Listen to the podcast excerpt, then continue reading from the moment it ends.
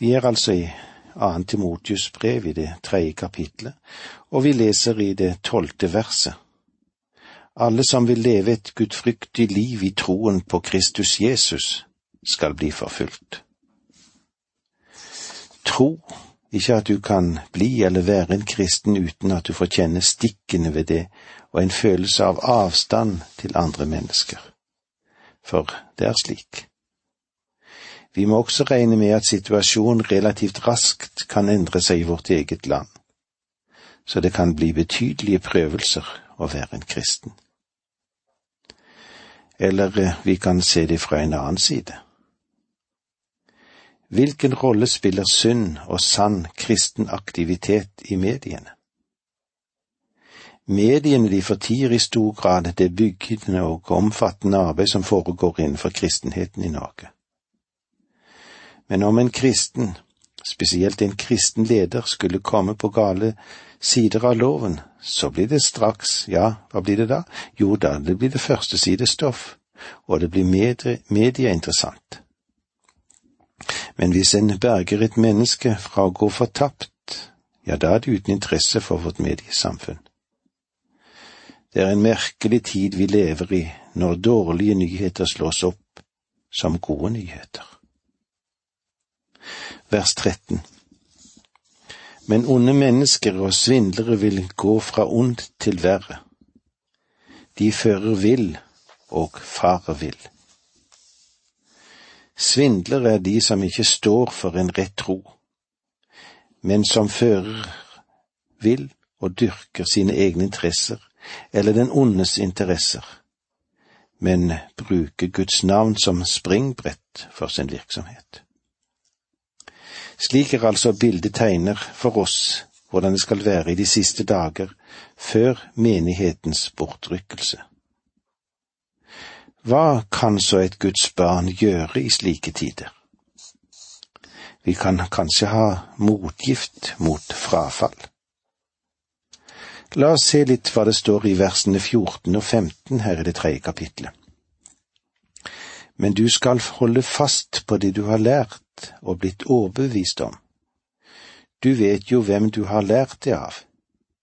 Helt fra barndommen har du kjent de hellige skrifter de som kan gi deg visdom som leder til frelse ved troen på Kristus Jesus. Den eneste motgift for en verden som er i frafall, hva er det? Jo, det er Guds ord.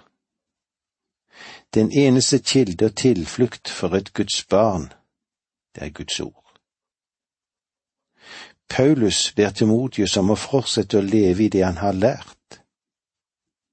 Han har lært de hellige skrifter fordi hans mormor og mor, som var jødiske kvinner, hadde tatt ansvaret for å fostre Timotius ved å føre ham inn i Guds ordets veldige verden. Som kan gi deg visdom som leder til frelse. Hva slags frelse taler han om? Timotius var jo allerede frelst Vel, frelse som begrep dukker opp i tre tider. Der har vi en, det vi kanskje kan kalle for fortiden. Jeg er blitt frelst fra synd. Så har vi presens eller nåtid. Jeg frelses fra synd. Den tredje tid går på fremtiden. Jeg skal bli frelst fra synd. La meg få utvikle og si litt mer om dette. Fortid, jeg er blitt frelst. Kristus bar dommen og døden for oss. Når vi tror på ham, går vi over fra døden til livet. Og vi er ikke lenger under fordømmelsen. Der er ingen fordømmelse for dem som er i Kristus. Jesus står det i Romerbrevet 81. Vi lever også i frelsen i dag. Han virker i oss til frelse i dag.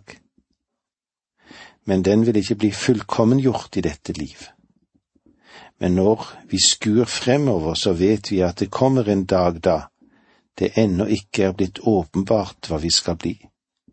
Vi vet at når Han åpenbarer seg, skal vi bli ham lik. for vi skal se ham som han er, står det i 1. Johannes 3, 2. Paulus sier at Skriften ikke bare gir oss status som frelste, men denne frelsen fungerer i den nåværende onde verden. Den gjør det mulig for oss å vokse og frir oss fra det onde. Det å leve i Guds ord og kontinuerlig granske det er en mektig kraft mot alt det som bryter ned. Guds ord er i stand til å gi oss visdom som leder til frelse ved troen på Kristus Jesus. Og jeg tror også at Guds ord gir oss en verdifull visdom til å leve klokt, til å leve riktig, til å leve sunt her nede. Vers 16 Alle hellige skrifter inngitt av Gud er også nyttige til å gi opplæring og tale til rette, hjelpe på rett vei og oppdra i rettferd. Når Paulus sier alle hellige skrifter, så mener han alle hellige skrifter. Noen kan kanskje si, men vet du ikke at åpenbaringsboken ikke var skrevet da annet Timotius brev ble distribuert? Jo, det vet jeg. Men det viktige å vite er at åpenbaringen blir et av de kanoniske skrifter som dekkes av alle. Ordet inngitt betyr beåndet av Gud. Den gamle oversettelsen brukte ordet innblest.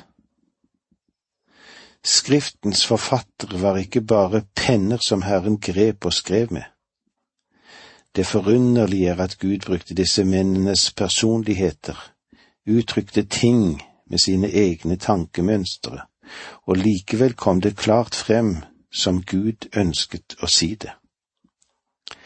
Gjennom disse menn har Gud gitt oss sitt ord. Han har ikke noe mer å si oss i dag. Det er det han har å si. Om han talte til oss fra himmelen igjen, så ville han ikke legge til noe nytt, men han ville bare gjenta det han allerede har sagt nyttige til å gi opplæring. Ja, her møter du i sannhet godt lærestoff. Det er lærestoff som har betydning både for det liv som nå er, og det som kommer. Derfor ønsker jeg å lære bort det denne boken sier oss. For ingen bok er så løfterik, så kraftig som Bibelen. Den er også nyttig til å tale til rette som betyr å overbevise. Det å granske Bibelen gir oss overbevisning. Faktisk er det en måte å prøve om ordet fungerer i ditt liv. Den hellige ånd levende gjør nemlig bare denne bok, ingen andre bøker, ingen andre blader, ingen aviser. Denne bokens innhold er Guds skapende ord. Den er til for å hjelpe på rett vei. Det betyr å korrigere dine egne tanker. Oppdra i rettferd, det betyr å disiplinere seg. Det å tenke og handle i pakt med Guds vilje. Vers 17 Slik skal det mennesket som hører Gud til, settes i rette stand og blir rustet til all god gjerning settes i rett stand. Det er et uttrykk som er valgt fra den gamle oversettelsen, fullkommen. Det betyr ikke en absolutt fullkommenhet i alle ting slik at alt er gjort rett. Det som ligger i ordet, er at vi oppnår modenhet. Vi blir fullstendige, fullt utviklede personer. Bli rustet til å være utrustet til å kunne gjøre det Gud vil. Og det betyr at Guds ord kan gi deg en livsutrustning som vil sette deg i stand til å fungere rett. Merk deg at dette går tilbake på alle de hellige skrifter, at de er nyttige. Der de blir benyttet, møter de de behov vi har for å tenke rett og handle rett. Det var så langt vi kom i dag. Takk for nå må Gud være med deg.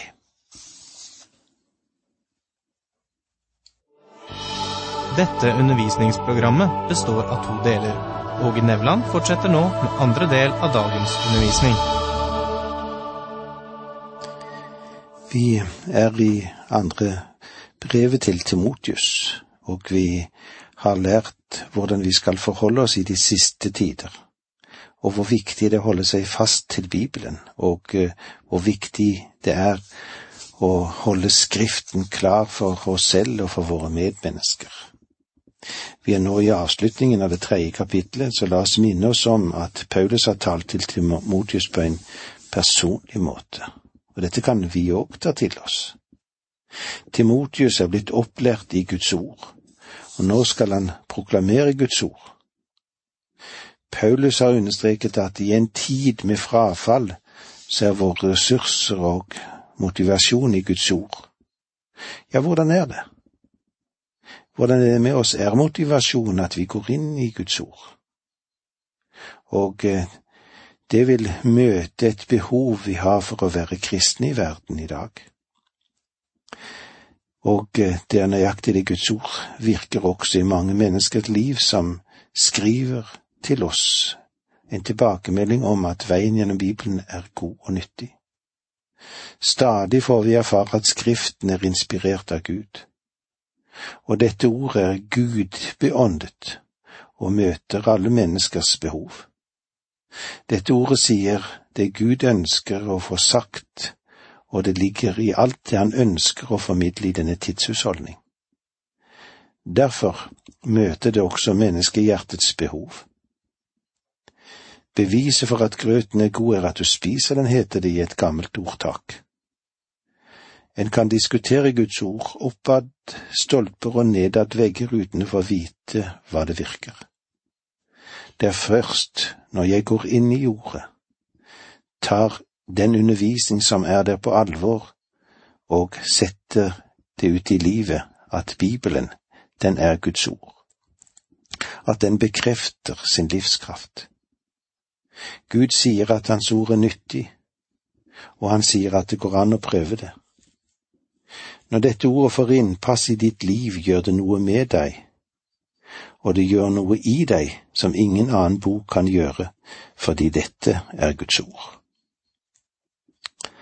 Vi går nå over i kapittel fire, det siste kapitlet her i Antimotius, Timotius sitt brev, og retningslinjer hvordan vi skal være og hvordan det skal bli i de siste dager. Det er med et anstrøk av bedrøvelse at vi nå kommer til det siste kapittelet i Antimotius Timotius brev. Paulus vil her informere Timotius om de siste dager. Deretter får vi Paulus sitt vitnesbyrd fra dødens venteværelse. Og det er mulig at disse ordene er de siste han skrev ned. Jeg vil merke hvor ensom Paulus kjenner seg. Han er i Roma. Han er alene. Han er innesperret i det forferdelige manetinerfengselet. Han fryser, og han ber Timotius om å ta med seg kappen. Han ber han om å komme til Roma. Han er rensom, og timene de blir lange. Han ber Timotius om å bringe bøkene, særlig sinnbøkene. Men sammen med en tone av bedrøvelse og ensomhet vil også vi merke triumfsangen når Paulus avslutter sitt brev til sin ekte sønn i troen. Og når vi lytter til ham, så hører vi samtidig Gud hviske håp inn i våre hjerter også. Dette er hans siste ord til deg og til meg. Paulus sitt pålegg til Timotius. I vers 1 i det fjerde kapitlet leser vi slik. For Guds og Jesu Kristi ansikt, Han som skal dømme levende og døde, pålegger jeg deg, så sant som Han kommer og oppretter sitt rike. Dette er en meget alvorlig anmodning, et pålegg som gis for Guds og den Herre Jesu Kristi ansikt som skal dømme levende og døde. Legg merke til formuleringen.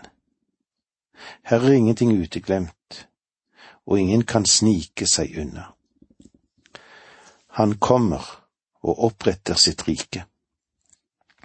Kristi åpenbaring og hans rike er ikke det samme, den samme sak. Han åpenbarer seg i menighetens bortrykkelse. Hans rike henviser til Kristi åpenbaring når han vender tilbake til jorden for å opprette sitt rike. To ganger vil han ha noe å gjøre med dem. Han vil dømme sine egne når han tar dem ut av verden. Han vil også dømme dem som vender seg til Gud under den store trengsel. Alle vi som tror på ham, vil komme for hans domstol en eller annen gang. Vårt liv skal prøves for å få avgjort om vi har lønn i vente eller ikke. Paulus sier, på bakgrunn av det faktum at du, Timotius, skal stå for hans åsyn og få ditt liv dømt, så må du handle slik som jeg sier deg. Dette pålegget til Timotius er like maktpåliggende i våre dager som da Paulus skrev det til Timotius fra sitt fangerom i Roma. Det er dette Gud sier til deg og meg akkurat nå. Vers to Forkynn ordet. Stå klar i tide og utide. Overbevis, tal strengt, tal trøst, gi ikke opp når du lærer dem. Forkynn ordet. Det betyr å proklamere ordet, gi det videre, basunere det ut. Dette er som et motto Paulus gir til sin unge medarbeider og venn Timotius. Stå klar i tide og utide. Det betyr at Timotius alltid skal være rede til å forkynne Guds ord. Her er det ingen faste kontortider. Her er det såtid døgnet rundt og året rundt. Legg merke til at, han ikke sier forkynner om ordet. Paulus ber oss om å forkynne ordet, ikke bare snakke om det. Her er ennå en mulig tilpasning og et mulig poeng. Paulus ber oss ikke om å forkynne ordet. Han sier ikke at Timotius skal trekke frem et ord fra Bibelen og så veve en preken rundt det.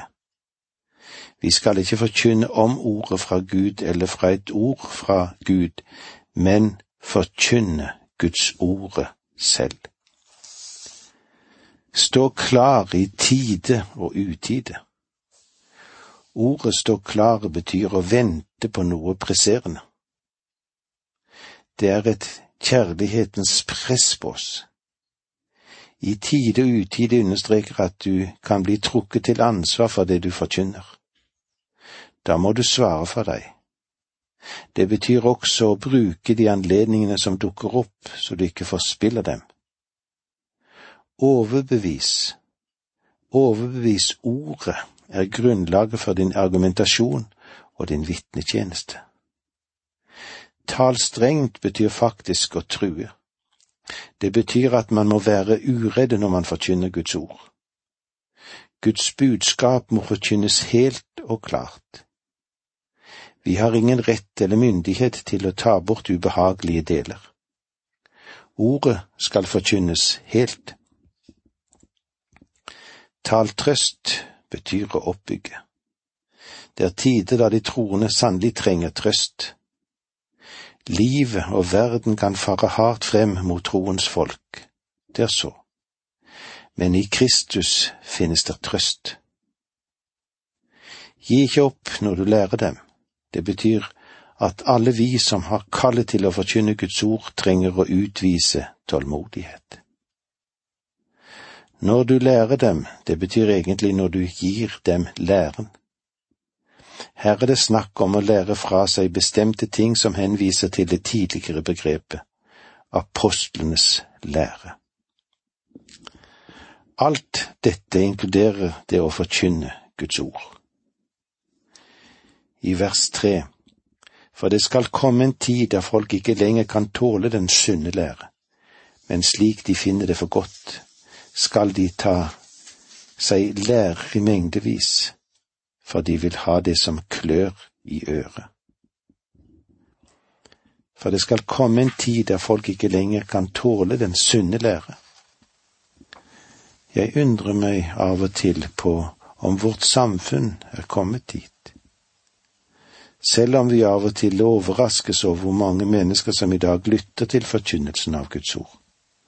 Sammenlignet da med folketallet vårt, så er denne gruppen likevel for stor. Det er få, det er for få som tåler den sunne lære. De vil ikke høre den. Hva er det så de vil? Slik de finner det for godt, skal de ta seg lærer i mengdevis, for de vil ha det som klør i øret. Det betyr at man inviterer massevis av lærere. I perioder der troen er dårlig forankret, skeptisismen rår og den rene nysgjerrighet sitter i høysetet. Da kan en få oppleve at menigheten fostrer forkynnere i stedet for at det er forkynneren som skal fostre menigheten. Da må forkynneren finne seg i å forkynne det menigheten vil ha, og ikke i første rekke det Gud vil. Prekestolen kan lett bare bli gjenlyd av det folk ønsker å høre. Kløs i øret. Det kan bli slik at mennesker ikke går til kirke for å høre en sunn lære. Det er ikke Guds ord som sådan man er interessert i, de vil ha en erstatning. Det man ønsker primært, er ikke gudhengivenhet og det en forkynner, men en glitrende entertainer. Men fjerde vers antyder at øret som klør snart, vil bli det døve øret. De skal vende sitt øre fra sannheten og holde seg til myter. Og med disse ordene må vi si takk for nå, må Gud være med deg.